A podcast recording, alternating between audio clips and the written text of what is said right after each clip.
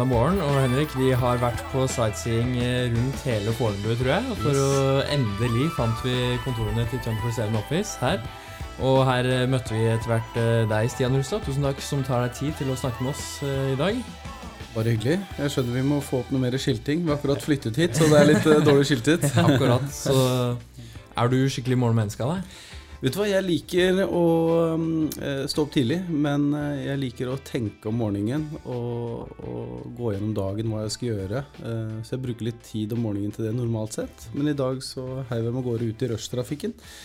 Og det er nettopp derfor jeg ikke liker å dra av gårde tidlig, for jeg hater å kaste bort tid. Mm. Å stå i rushtrafikk er litt sånn meningsløst. Ja. Ja. Helt enig. Men det, Da må vi bare sette veldig stor pris på at du kaster deg ut i rushtrafikken for å sette deg ned med oss. Ja. Bare hyggelig. det er tidlig.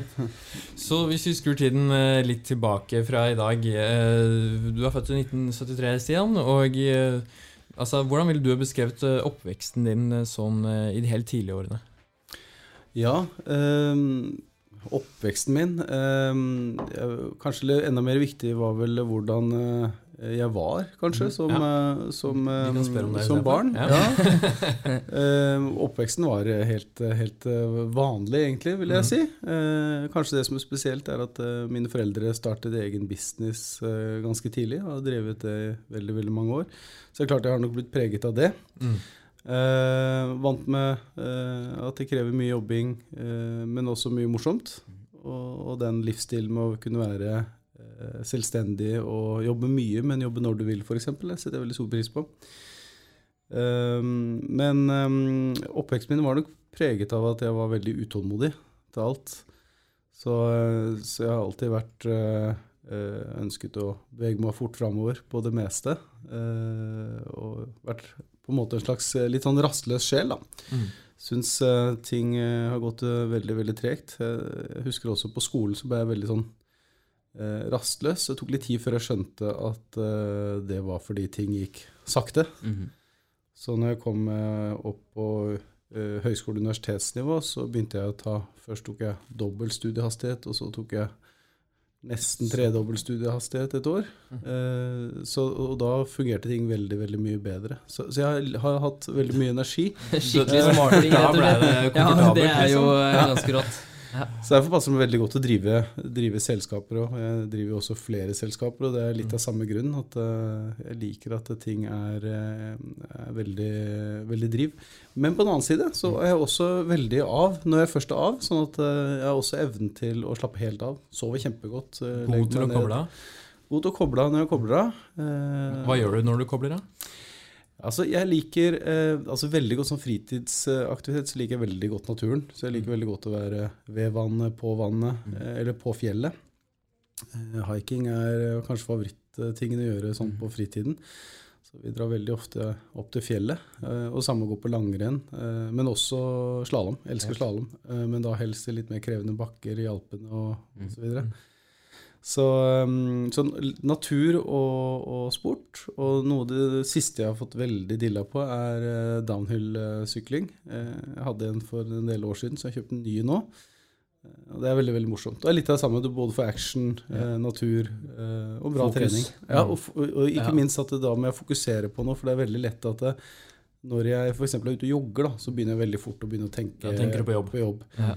Så når jeg sier at jeg, eh, er god til å koble av, så er det mer når jeg, når jeg har bestemt meg for å kose meg. Nå skal jeg liksom se på en film, eller nå skal jeg være sammen med venner, nå skal jeg gjøre noe. Men når jeg jogger, da kjeder jeg meg, og så begynner jeg også å uh, tenke. Ja. Mens uh, med downhill så har du ikke kjangs til det. Da må du mm konsentrerer 100% Ja, Hvis du kobler deg litt sekund der, så ja. Da går det gærent. du, du, nevnte jo også rett før vi gikk på her, også du jobba over ti timer i helga. Hvordan, hvordan, ser en vanlig arbeidsuke ut for deg? Eller på en måte litt sånn jobbe når man vil, da, som selvstendig næringsdrivende også? Ja, altså jeg, jeg, jobber jo Det er det som er bra. Jeg jobber my mye, men jeg jobber når jeg vil. Mm. Og derfor fungerer det bra. Så sånn som for eksempel, Grunnen til at jeg jobbet mye i helga, er at uh, jeg har hatt barn aleine. Og da hadde vi en eldre nevø på besøk, og da dro de på Tusenfryd. Ja. Da var de der i seks timer, og da kan jeg sitte og jobbe, mm. sette meg på kafé, kose meg egentlig ganske mye. Sitter og jobber, får unna uh, mail som jeg ikke har ruk, uh, uh, rukket å gjøre i uken. og sånn går det nå litt ofte helgene, at mens de andre gjør noe annet da, som er gøy, så setter jeg meg ned og tar noen eh, noen økter. Men eh, ti timer er unntaket nå for tiden. Det var mer i eh, For ti år siden så var det mer regelen enn eh, unntaket. Nå er det Mm. unntaket. Ja. Men en typisk dag er gjerne Uh, at jeg starter som sagt uh, å, å tenke gjennom uh, hva jeg skal gjøre, og hva er det viktigste. Strukturerer dagen, gå gjennom de tingene jeg har lyst til å få til den dagen. Hvilke møter, hva jeg ønsker å oppnå i møtene. Eh, og begynner å gå gjennom litt mail. Og så er det gjerne, går det slag i slag med, med, med mail, kontrakter, eh, eh, møter til en sånn i ja, alt mellom fem og syv. Og så er det hjem og være litt sammen med barna, og så er det veldig ofte at man jobber en time eller to etterpå der. Mm. Så sånn, så sånn sett så er det mindre jobbing nå enn eh, det det var, heldigvis. Mm. Ikke sant. Og eh, når jeg så på LinkedIn-profilen din, så så jeg du har, Det virker som du har, ja, du har studert eh, elektroingeniør, fransk litteratur, eh, finanslovgivning, EU-studier, økonomi. Det virker som du har studert absolutt alt utenom teknologi. Så endte du opp med å starte en ERP-plattform, eh, om ikke verdens første skybaserte også. Ja. Hvordan, hvordan henger det sammen? Jo, altså, det henger jo sammen slik at For det første så var jeg veldig interessert i datamaskiner. Så jeg hadde jo Commodore 64 med en gang den kom. eh, Og mens andre satt og spilte, så satt jeg og programmerte på den. Mm. Så jeg satt og programmerte Basic den gangen da, og lagde alle mulige uh, rare programmer. Um, så sånn sett så er det uh, interessen for datamaskiner som er uh, selvfølgelig en av hovedgrunnene. Eh, og så er det slik at eh, når jeg gikk på ingeniørskolen, så er det jo mye altså, Elektronikk er jo også teknologi. Mhm. Eh, det er jo basisen for alt sammen. Du bare får en dypere forståelse av hvordan faktisk datamaskinen fungerer. Mm. Eh, og programmering er en del av det også. Eh, så, og, og samtidig da kom internett. Eh, men jeg har også veldig interesse for, for økonomi. Så jeg tok jo også en bachelor på BI. Og kombinasjonen av det at jeg da hadde god innsikt i hvordan internett var, og ikke minst også hvordan elektronikk fungerte, så jeg forsto også hvor eksponentiell utvikling kom til å være på, på modemer, både på mobiltelefoner og, og eh, vanlige bredbåndsmodemer, hvordan den utviklingen ville være. Um, og, summen av det så gjorde det at uh, interessen, altså økonomi og internett, så så jeg det at det ville være den beste måten sannsynligvis å drive eh, software på. Ja. Eh, som en, altså at det ville være den beste plattformen. og veldig mange tenker at det var fordi at eh, ja, så kjekt å kunne slippe av egne servere. Eh, og det å kunne jobbe hvor du vil, eh, på hvem enhet du ville. Men tanken da var faktisk ikke Det var, ikke, det- det var selvfølgelig en fordel jeg så. En stor fordel. Men eh, den viktigste fordelen jeg så med, eh, med internett, var måten at man kunne dele informasjon veldig mye enklere. Så jeg så for meg en virkelighet hvor eh, alle systemene var skybaserte, og man gjorde ett integrasjonspunkt mellom de, sånn at man kunne dele informasjon på en helt annen måte. Så vi var også først i verden med å lage API-er av ERP-systemene. Når, når, når du startet med det her, så var det ingen som hadde gjort det som du visste Ingen, ingen, ingen som vet om det. Nå har jeg vært i USA i, i tre Mm. år også, så jeg vet ingen som startet eh, et skybasert RP-system før oss. Mm. Så vi startet jo å utvikle det her i 96, og startet, etablerte selskapet i 97. Så det var rett fra studiene, var det? det var rett fra studiene, ja. Så jeg har aldri jobbet for noen. Så Dette, er din, dette er din første ordentlige jobb. Ja, ja ikke sant? Din Ja. første ordentlige jobb. Ja. Men, men bare sånn inter interessant å vite at uh, på en måte mm, litt sånn interessen dine, men hva slags tanker hadde du under studiene, og på en måte hadde du lagt deg noen klar plan at vet du, når jeg er ferdig med studiene, sånn som du gjorde, ikke sant, starta for deg selv, eller var det bare at du, det bare kom til deg og tenkte wow, det her er noe jeg må hoppe ut i? Det er et veldig godt spørsmål. Altså, jeg hadde jo ideen om 24-7 Office uh, allerede når jeg gikk på studiene, så jeg var veldig sikker på at jeg skulle starte med den. Uh, men det er klart at jeg visste jo at det ville kreve mye utvikling. Uh, altså tusenvis av timer med utvikling for å få eh, første versjon opp. Eh, så, så jeg var klar på at jeg skulle starte for meg selv også før jeg hadde ideen med 24-7 Office, men da visste jeg ikke helt hva vi skulle holde på med. Eh, Så store spørsmålet når jeg var ferdig med studiene, hvordan skal jeg få finansiert da det å utvikle 24-7 Office?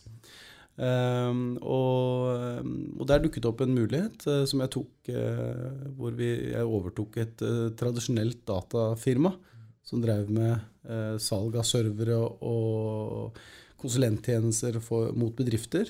Eh, og så reinvesterte vi all overskuddet der, pluss at jeg jobbet som konsulent på kveldene. Eh, for å få Altså IT-konsulent, da. Ja. Eh, jeg gjorde veldig mye rart. Eh, alt, alt mulig. mye smart, tydeligvis. Ja, alt mulig kurser. Jeg tror jeg hadde kurser i alt mulig. Alt fra Photoshop til eh, Excel til Mm. eh, internett eh, til programmering. Så det var ganske Alt som kunne læres bort Ja. fra en PC. Ja. Eh, så pløyde vi alle pengene tilbake og utvikle, da. Eh, samtidig som at jeg eh, startet å utvikle selv. Mm. Eh, jeg fant fort ut at eh, det var mye flinke utviklere som var, vel, eh, utviklere som var veldig mye bedre enn meg. Mm.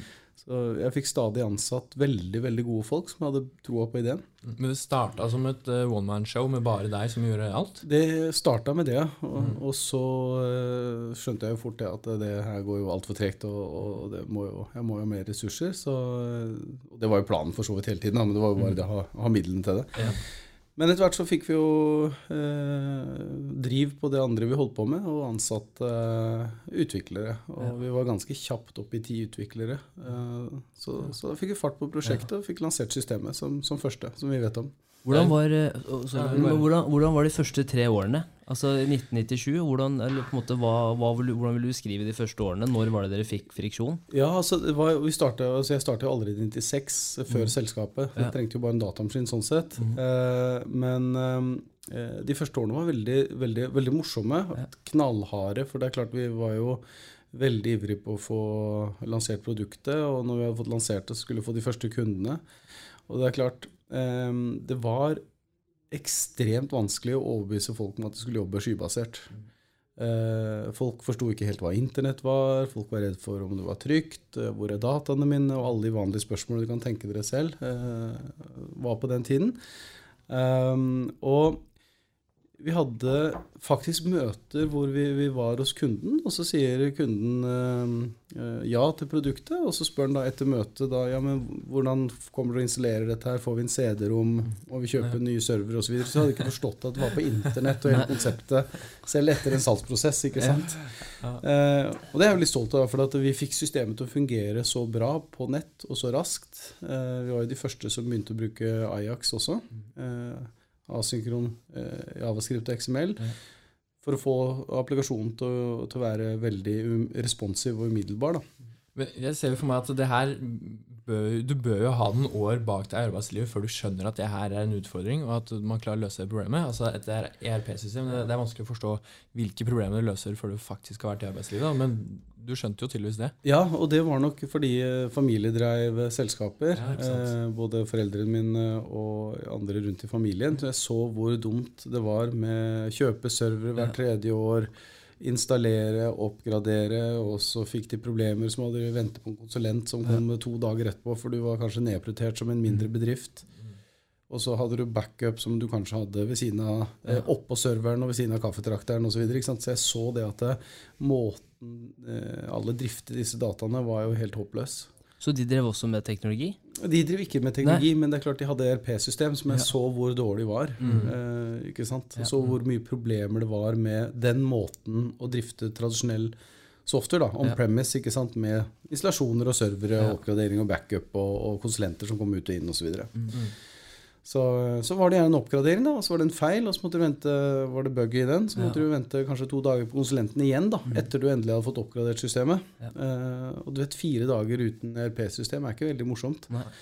Eh, Så det var jo virkeligheten, og så så jeg også hvor utrygt det var. Det er klart, eh, de, Folk begynte jo også etter hvert å få internett til e-post og sånne ting. eh, Og, og andre enkle ting. Mm. Og det er klart, internett ubeskytta inn mot samme miljø som du har all dataene, det er jo ikke det tryggeste deler. heller. Så, så sånn sett så er jo det å ha det på internett Ja. hvor faktisk teknologien er beregnet til det, da, Mm. og firewaller og, sikkerheten er beregnet til det, mye smartere. Mm. Hvordan rett, ja, var- mm. Hvordan var den første kunden? Eller hvordan fikk du med deg den første Ja, kunden? Det, Det- den visjonen, på en måte? Det, det er litt morsomt uh, spørsmål som jeg, jeg vet faktisk Jeg husker ikke hvem som var den første kunden. Eh, så det begynte jo å komme en sånn strøm av kunder plutselig. Uh, ikke sant? Først var det én, og så var det to, og så var det fem og ti, og så var det hundre. ikke sant? Og det gikk ganske fort opp til noen hundre kunder. Ja. eh, følte vi den gangen. Men det er jo Mm. klart at det nå som vi får hundrevis i eh, måneden, tusenvis i kvartalet, så gikk det jo ikke fort. Men den gangen så følte vi det gikk fort. Og så skulle jo alt henge med òg, ikke sant. Alt, eh, så vi skulle oppskalere servere, eh, databaser. Eh, vi skulle ha en kode som, som klarte å skalere. Og det er jo det som også er fordelen når vi starter tidlig. fordi hvis du ser on-premise software, så utvikles den på en måte hvor du har én bedrift som kanskje har 50-100-200 ansatte og brukere eh, på en dedikert server i bedriften. Mens vi skulle lage en software som skulle tåle hundrevis, tusenvis, nå titusenvis, eh, og snart hundretusenvis av bedrifter, og flere hundre tusen brukere nå, da, ikke sant? Eh, samtidig i samme software. Ja. Så den skalerbarheten vi måtte få til i vår software, er jo noe helt annet. Så måten å utvikle software på var eh, den gangen da ikke veldig velprøvd og kjent. Og verktøyene som, eh, som, var, en- eh, som finnes nå, fantes jo ikke den gangen. Og ikke minst alle disse skyverktøyene med eh, Hvis du går til Asher eller går til AVS, disse hostingsentrene som har veldig mye ut av boksen programvare du kan, kan gjøre, bruke nå. Den gangen fantes jo ikke det. Hvor er, det, hvor er det dere hostet i dag? Eh, I dag vi hoster så Mesteparten av dataene, den viktigste dataene, ligger i en eh, private cloud, eh, som vi har hos en eh, profesjonell, stor norsk eh, leverandør. Eh, og noe av det som skjedde den gangen, var at vi startet så tidlig at det fantes jo ikke sky. Så vi måtte jo finne opp sky òg, på en måte. så, så den gangen så starta jeg et selskap som het NetClient, eh, som starta med hosting, eh, og var da skyen til eh, private clouden til 24-7 Office. Eh, og det selskapet solgte jeg da til, eh, til et selskap som heter Bråte-gruppen, da, som nå har da hostingen eh, til 24-7 Office. Men vi bruker også eh, en god del av ressursene som finnes i andre skyer, både Asher og AVS, eh, for det finnes mye bra verktøy der oppe som gjør utviklingen raskere. Og så sprer vi også selvfølgelig risikoen, ikke sant. Eh, så, men, men fortsatt eh, hovedvekten på en private cloud. Ja. Mm, kult. Og de holder til i Oslo også, i hvert fall. Asher har jo noen datasentre der. Ja, Så eh, det- og, nærhet også. Ja. Eh, men, men du nevnte dataen også. Det er, det er jo, hvor, hvor viktig er egentlig dataene dere har for å kunne forbedre produktet? Ja, det, det er veldig interessant, fordi at uh, veldig mange uh, in, fra investorsiden i Norge har jo tenkt at uh, ja, vi driver en softwareselskap, akkurat som tradisjonelt software, når dataene ligger on premise. Men i og med at vi har alle dataene, driver, som jeg snakket om i stad, så drifter jo alle kundene egentlig samme system. Eh, og så ligger jo egentlig Alt ligger i samme system, skilt egentlig på, på ID-er eh, med hvilken eh, data som tilhører hvilken kunde. Og på den måten så har du en ekstrem mulighet til å utnytte dataene eh, på en positiv måte for kundene. Eh, alt er jo selvfølgelig på akkumulert eh, og anonymisert basis. Men la oss ta ett eksempel. For eksempel så har vi laga en AI-motor eh, som kverner gjennom alle dataene hvordan alle kunder har bokført eh, f.eks. en eh, telefonregning fra Telenor. Så finner vi ut at ja, det konto XYZ er de mest vanlige, ikke sant? Eh, og så eh, kan vi nå servere det til kunden eh, automatisk, fordi vi bruker dataene som alle har. Og så kan vi gi da den tjenesten til kunden, så de sparer jo enormt med tid, de som har valgt å ta i bruk den tjenesten, på å kunne, kunne bokføre automatisk. Eh, sånn som tjenesten, en tjenesten vår nå bokfører 70% normalt sett automatisk. Som da forhold til da Ja. alt manuelt, som det egentlig var for få år siden. Så det er på en måte et, ekse, et eksempel på bruk av dataene på akkumulert, anonymisert nivå. Men så har vi også muligheten til å bruke dataene veldig mye mer eh, på bedriftsspesifikt nivå etter deres tillatelse. Og da kommer vi inn på f.eks. sånn som eh, nå vi kjøpt oss inn majoriteten inn i en bank, som kommer til å bli 24-7-bank. Eh, og, og et typisk eksempel på bruk av dataen der er jo f.eks. at eh, hvis vi søker om kredittvurdering, så sier vi eh, eller vil ha et lån, så sier vi ja, trykk godkjent på at vi kan gå inn og så søke gjennom dataene dine for å gjøre kredittvurderingen. Og dette er jo veldig fint for kunden, for da slipper man den prosessen du vanligvis må gjøre med en tradisjonell bank. Printe ut alle dokumentene, gå gjennom de, strukturere de, gå til banken og sitte i møte der, ta med papirene tilbake, få noen nye spørsmål, og så tilbake igjen osv. Hele den manuelle prosessen der hopper det bukk over. Så vi kan jo da gå rett inn i dataene, i og med at alle er strukturert på samme måte. Og så kan vi gjøre kredittvurdering på sekunder, og så si at ja, det er greit, du får lån. Men da må det kreve at de har brukt systemet deres noen år, kanskje? Eller fordi hvis ikke så Ja, hvis de har brukt det i to måneder, så er det vanskelig å se om Ja, de betaler seg eller ikke? Eller? Det er litt både òg, vet du. For det, det er jo det som er det, det, er jo kanskje det andre interessante. At vi kan sannsynligvis gi lån til folk raskere, altså med mindre historikk, eh, og med bedre rente. Fordi at eh, vi har jo relevant og oppdatert data. Så det er klart at eh, tre måneder, de tre siste måneders data er jo mye mer relevant for å gjøre en kredittvurdering enn fjorårets, eller kanskje halvannet år gammelt da, årsregnskap, Ja. som er bankene, for de skal ha et revidert regnskap.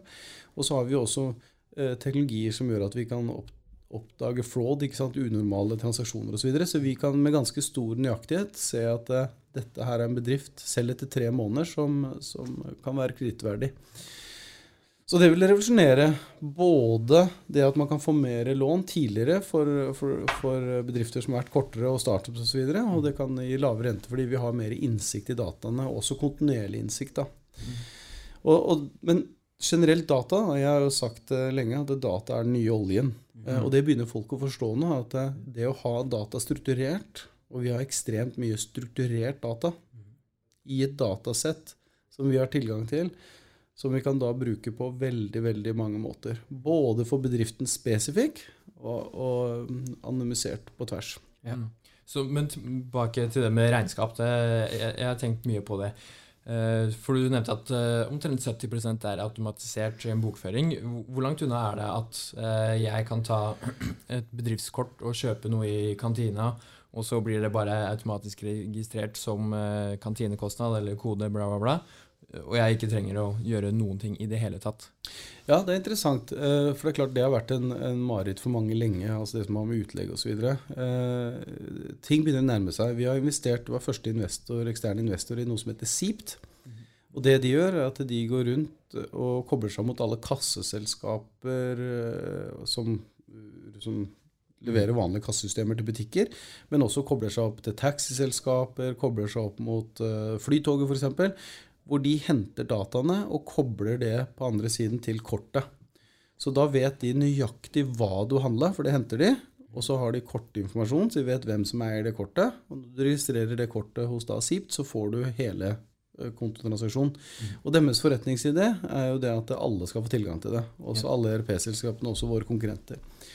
Uh, og det betyr at, og vi som i dag i tillegg er bank, så vil jo vi få transaksjonen umiddelbart uh, fra selve korttransaksjonen, og så vil vi kunne hente selve eh, fakturaen, eh, eller, eller altså kvitteringen da, fra kassaapparatet osv. Og, og så bruker vi AI-en da til å forstå hva det er. Ja. Så kan vi bokføre automatisk.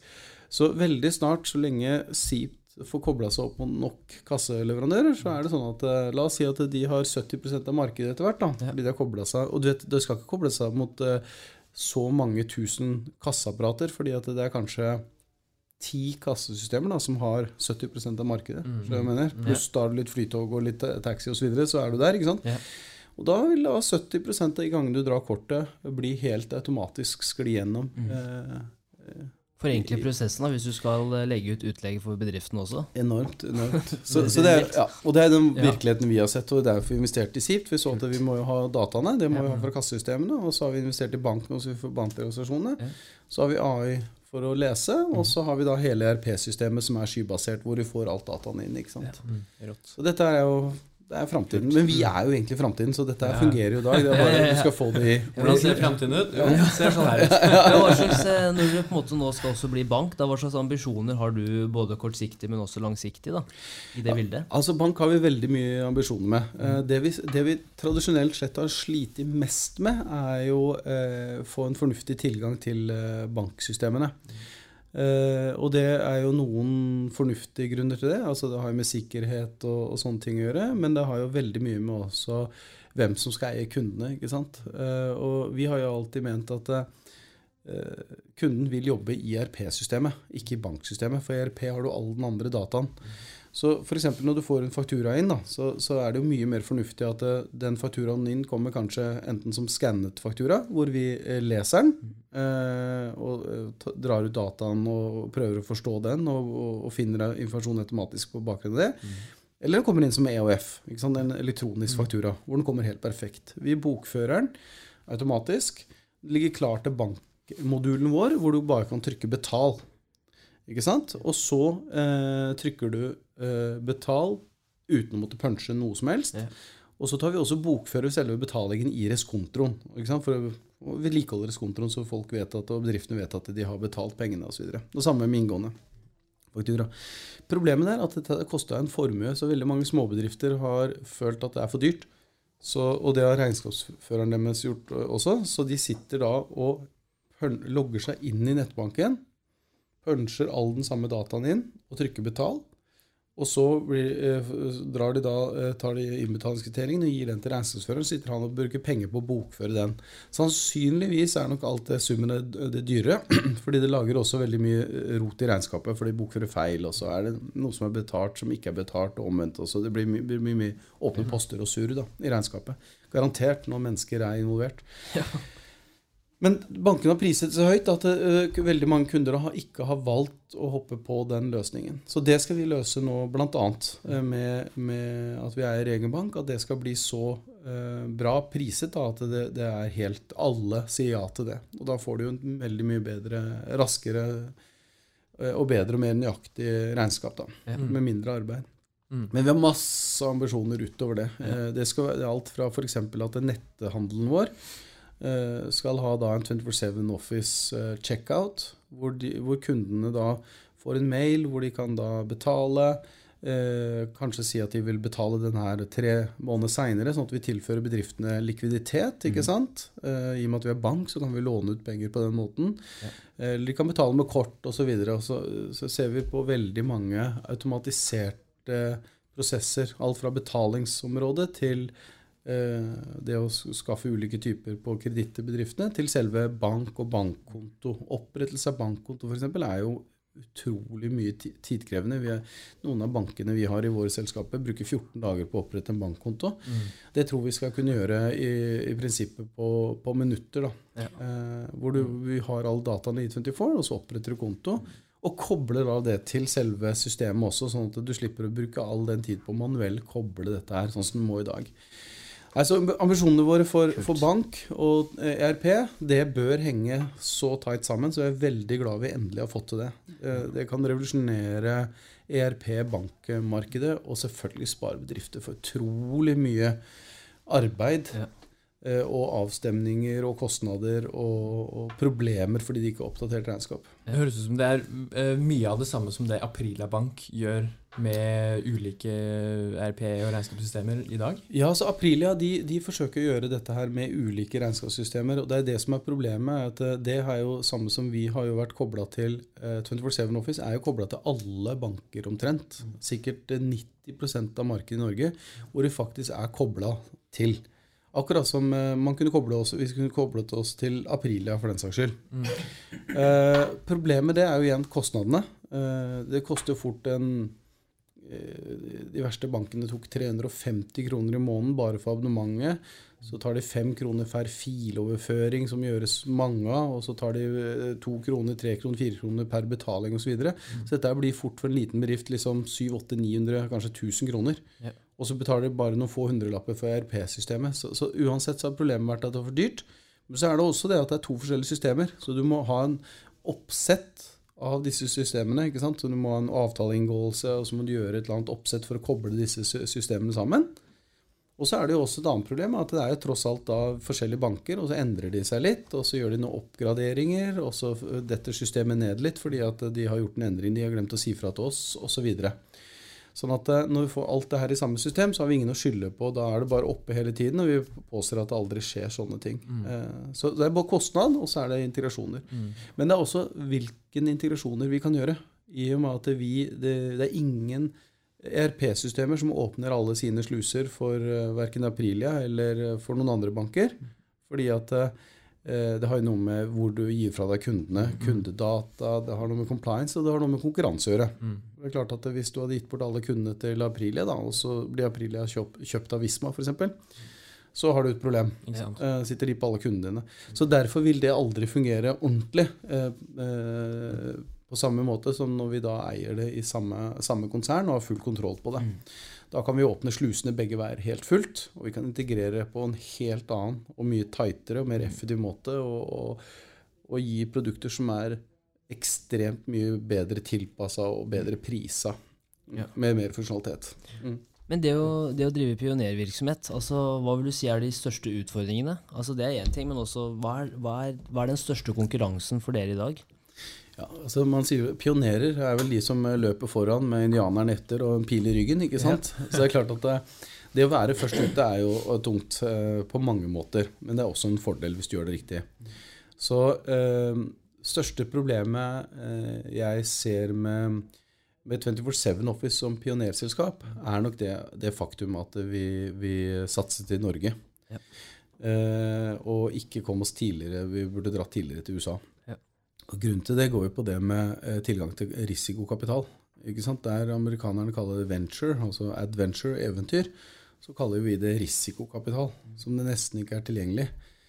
På én måte. Men det er klart at de investerer jo i cruiseskip og, og, olje og alt som egentlig er ekstrem risiko, egentlig. Yes. Men man har kanskje ikke tenkt seg nok om hva som kan skje. Alt fra viruser til eh, miljøproblematikk til eksplosjoner. Så, så sånn, sånn sett så har vi jo risikokapital i Norge, men det har vært allokert veldig eh, fokusert rundt råvarer. Eh, så det å gå eh, og finne investor som forstår verdien av data, forstå alle disse neste stegene av utviklingsmulighetene, fra brukerdataene til automatisk bokføring til bank, til, til alt det vi kommer med nå, eh, og forstå eh, mulighetene, forstå det at det faktisk skybasert kommer, når man egentlig ikke vet helt hva internett er engang. Det er veldig vanskelig. Så, så vårt største problem er nok at vi eh, da har hatt litt for lite tilgang til kapital til å ekspandere så mye som vi burde gjort. Eh, vi var jo først ute. Vi hadde ledende teknologi, vi hadde ledende programvare, eh, og har det fortsatt på mange områder. Vi er jo i USA nå, så det vet jeg jo. Vi selger som bare det i USA. Eh, Men det er klart, hadde vi kunnet eh, hatt eh, en investor som puttet inn hundrevis av millioner, sånn som veldig mange av konkurrentene våre har gjort tidlig, Mm. og så henter de inn milliarder Ja. vet, Vi har jo henta inn bare småpenger, egentlig, til, til det omfanget vi gjør. Dere gikk på børs i Sverige også på et tidspunkt, gjorde dere ikke? Vi gjorde det, og da, da liksom putte perspektiv på da hentet vi 40 millioner. Altså jeg har startuper i USA som har uh, henta Ja, inn eh, eh, liksom eh, Den ene startupen har henta inn 120 millioner. eh, den andre har henta inn 400 millioner i løpet av samme periode. Eh, du vet at de har noen helt andre ressurser til å ta markedsandeler og gjøre ting mm, veldig veldig mye mer eh, riktig og langsiktig. Ja. Så, så, så, sånn sett så er det å være pioner er ekstremt vanskelig i, i Norge når det gjelder IT. Så det, det vi ser ofte, er jo det at du når et visst nivå i Norge, så blir det jo solgt til utlandet. Eh, og ofte solgt, og kanskje bare smeltet inn i noe helt annet. Og på en måte forsvinner hele, hele bedriften på en, eller annen måte, og teknologien. Det syns jeg er veldig synd. Eh, så jeg håper at vi får eh, mer vekstinvestorer og mer vekstkompetanse som, som har muligheten til å investere de 100, 200, 300 og 400 millionene som skal til. Sånn som f.eks. konkurrenten vår eh, Xero. De, de, de er fra New Zealand, lille New Zealand. Når de gikk til USA, så henta de jo eh, nesten milliard kroner i forbindelse med å dra til USA. Eh, du får gjort litt mer da. Mm, enn, litt mer. Litt mer. da. Ja, hvordan er det dere jobba med salg og markedsføring i USA? For vi har, og, ja, vi har inntrykk av at uh, der er de mye mer på på den delen også. Ja, Når var det du begynte, forresten? Altså når, når på en måte, de årene tilbake, når du tenkte nå skal vi Du tenkte jo at jeg burde gjort dette for 15 år siden, men hvordan var den reisen når du tenkte nå drar jeg til USA? Let's go. Ja, altså det var jo eh, for tre og et halvt år siden eh, som jeg dro. Så jeg begynte å tenke på det for en ja, eh, fire og et halvt, fem år, ja, fem år til siden, tenker jeg. Og da var jo fortsatt Det var før vi hadde gått på børs i Sverige og henta 40 millioner. Så kan du tenke deg det at vi i 24-7 Office med ganske stor vekst og ganske ambisiøse prosjekter vi kjørte på ting som skulle legge Vi har jo tenkt alltid veldig langt fram. Eh, legge til rette for alt det vi holdt på med nå med bank osv. Så videre. sånn at eh, kjøre alle de prosjektene, så var det helt umulig å skaffe kapital i Norge eh, på noe som helst måte til å satse i USA. Så, så, så, så, gikk jeg til styret og sier at eh, du har tenkt å satse i USA. Jeg sier at eh, nei, vi har mer enn nok med Skandinavia. Bare Skandinavia krever sine, eh, sine ressurser, ikke sant? Og så har du hele Europa, og så har du hele resten av verden også, for så vidt. Så, USA er det mest kompetitive, altså konkurranseutsatte, mm. by far, markedet i verden. Så det skal vi holde oss unna en stund. Uh, lenge. Ja. Kanskje aldri. Uh, så sier jeg til, til, styret at ja, men hva hvis jeg tar kostnadene? Jeg har gjort en del exiter uh, i andre bedrifter jeg har vært co-founder eller angel investor osv. Hva hvis jeg tar risikoen, flytter over og tar kostnadene? Uh, og CEO tar over som CEO her, sånn, en dyktig mann, så det vil uh, fortsette bra her. Og så får dere beholde 20 av, av aksjene. Pluss at de får en utvanningsvern, sånn at jeg må investere 30 millioner kroner før de blir ut, utvanna. Ja. Og da sier de ja til det. Så, så, det var starten på USA. Så egentlig så er det da jeg som satset i USA. Ja. Eh, og da dro jeg over med familien. Eh, kjente jo ingen. Satt i New York. Eh, visste jo knapt nok hvor i New York jeg var. første gang i New York? Ja, Det var ikke første gang i New York. Altså, jeg overdriver litt, men det er klart at Hvilke antakelser hadde du da? Altså sånn før du, hva, eller hva slags tanker hadde du sett for deg når du liksom satt deg på det flyet med familien til USA? Bare sånn De første tre månedene, hva skal vi gjøre? Ja, altså, nei, altså Antakelsen før jeg flyttet dit Jeg gjorde en del research. Jeg var en del over i USA mm. og gjorde research før jeg tok det valget. For det er et stort valg. Dra med hele familien familien dit, og de investerer ganske mye penger. Mm. Eh, risikoen er stor. Så jeg hadde vært over og gjort en del eh, eh markedsundersøkelser. Jeg hadde hatt samlet eh, en god del regnskapsfører til dypere samtaler og analyser av systemet osv. Så, mm. så, så det som var teorien min, var at eh, i USA så finnes det kjempebra systemer for småbedrifter. Mm. Eh, altså helt én og to og tre og fire mannsbedrifter. Um, og også, de går også sikkert opp i fem og ti, men den gangen så var det i hvert fall de tok maks 20 brukere. Uh, sånn som f.eks. Uh, QuickBooks. Uh, og så har du fantastiske systemer for, uh, for Fortune 5000-bedriftene. ikke sant? Altså Salesforce, uh, NetSuite osv. Som koster en formue både å implementere og i lisens. og utrolig omfattende implementasjonsprosesser, selv i, på tross av at det er et eh, skybasert system. Da. Så min teori da, var at det mellomstore markedet de hadde ikke noen gode eh, eh skybaserte RPS-systemer. Eh, og det fikk jeg jo rett i, så, så, det er der vi selger nå, da. Typisk sånn 10-20 ansatte opp til noen hundre. Mm. Eh, for der er det sånn at du har vokst ifra QuickBooks, hvor du trenger kanskje litt mer rettighetsstyring, litt mer moduler, litt mer API-er, litt mer avanserte rapporteringer, litt mer dimensjoner osv. Så, videre. så fort du trenger noe av disse tingene her, så eh, må du opp på et tyngre system. Mens ta hele løpet da direkte fra fra, fra, du er 10-20 mann og rett opp til NetSuite eh, kombinert med Salesforce. Det blir utrolig dyrt og er tungt. Ja. Så det, det, er den nissen vi tok. Og det var den jeg trodde vi skulle ta, og det er den vi tar nå. Ja. Eh, så det, det, er det som er muligheten i USA. da. Ja. Mm. Det har vært en bra investering for deg? Ja, så Nå er vi eh, snart uh, break-even. Ja. vi er et team på, på 15 mann mm -hmm. som, som, jobber med, med USA. Så, så, sånn sett så har det gått fortere enn jeg hadde trodd. Det har gått veldig fort, da. Mm. Eh, Siden 2017, ja. var det ikke det? Ja, og så brukte jeg mm. nesten to år vet du, på å tilpasse systemet. Altså Bare gjøre det compliant ja. med mm. regulations. I mm. USA er ganske krevende. Det er heavy. Det er, uh, tenk deg bare du skal takle Det er ikke VAT, men det er jo sales tax. Ja. Og sales tax består av sikkert 100 000 forskjellige kombinasjoner i stater og delstater og byer og ikke sant?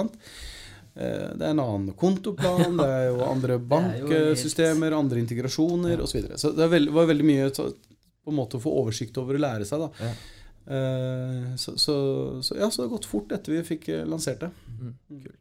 Yes, vi, klokka tikker jo her også. Jeg er ja. sikker på at du har mye, mye annet på kalenderen en mandag morgen også. Men sånn eh, helt til slutt, eh, hvilke tips ville du gjort, nei, gitt til eh, litt yngre både menn og kvinner som er i 20-åra og som tar fatt på arbeidslivet? Starte sin første arbeidsplass. Ja, starte på sin, starte Ja, jeg vil starte eget, ja. Det er jo kanskje det gøyeste. Eh, Det er klart. Men det, det, er, det er jo ekstremsport å drive starte egen business eh, fra starten av, uten midler og uten funding osv. Men på den annen side så er det jo det at eh, når du er ung, så har du, er du vant med å leve som student og på nudler og så videre. Så det å starte direkte fra fra studiene er egentlig også ganske bra tid å starte på. Du er full av eh, pågangsmot. Det, er veldig mye støtteordninger for eh, gode ideer i Norge. Eh, både forskningsmidler og SkatteFUNN og Innovasjon Norge osv. Så, videre. så hvis du er talentfull, eh, har en litt eh, annen idé enn å starte en kebabsjappe, da, som for så vidt kan være bra nok, det også. Det er jo ikke noe feil, men spesielt hvis du er i high-tech-industrien, så finnes det støtteordninger. Ehm, så, så, så jeg ville kanskje, hvis du har en idé, eh, er det noe sted, tid du skal prøve det ut, så er det faktisk rett etter studiene på mange måter. Ja. Selv om det er klart da mangler du litt erfaring og sånn, da. Men Mm. det som skjer når du gjerne får erfaring, og så får du barn, og så får du hus, og så får du uh, hund Ja, og en uh, det på seg. eh, Ja. SUV Jeg som har skal tre av de betales. allerede. Ja, ja, ikke sant? Du kjenner på det? Ja. Så er det litt vanskelig å hoppe av også. Ja. Ja. Mm. Hvilke råd vil du gi til deg selv, da? Altså Hvis du bare på en måte ser for deg Stian 20 år Ja, eh, flytt til USA. Yes. Ja, er American. Dream. Jeg skulle startet i USA. Starter her tidligere, ja. Eh, skulle, jeg skulle dratt dit, eh, uten tvil. Det, det var nok det, det Med alt jeg vet i dag, så, og jeg visste det jo egentlig den gangen også, Ja. så hvorfor jeg ikke gjorde det? Kanskje hadde det for godt i Norge. Ja. Eh, familie, venner. Ja. Du sier noe der, ha, det for- ha det for godt i Norge også. Ja. Mm. Men hvor, sånn avslutningsvis, hvor er det folk kan finne deg på, på nett hvis de ønsker å følge deg og lære mer? Ja, altså, jeg er ganske aktiv på LinkedIn. Mm eh, Så hvis du følger meg på LinkedIn, så er nok det det, det smarteste. eh, For der er det kun i hvert fall businessrelaterte ting som kommer Mhm. ut. eh, Og der legger jeg ut stadig oppdateringer. Hva vi investerer i, hva vi gjør. Nyheter på, på produkter og ting i, i egentlig alle selskaper jeg er involvert i. Det Og blitt en del etter hvert. Mm. Ja. Kult. Det kan bekreftes. Eh, Vi følger deg på LinkedIn Ja. og syns det er kjempeinteressant. Ja, så bra. Yes, men Da gjenstår det vel bare å ønske deg en riktig fin mandag videre. Og takk for at du tok deg tid. Tusen takk. Det var veldig hyggelig å ha deg her også. Så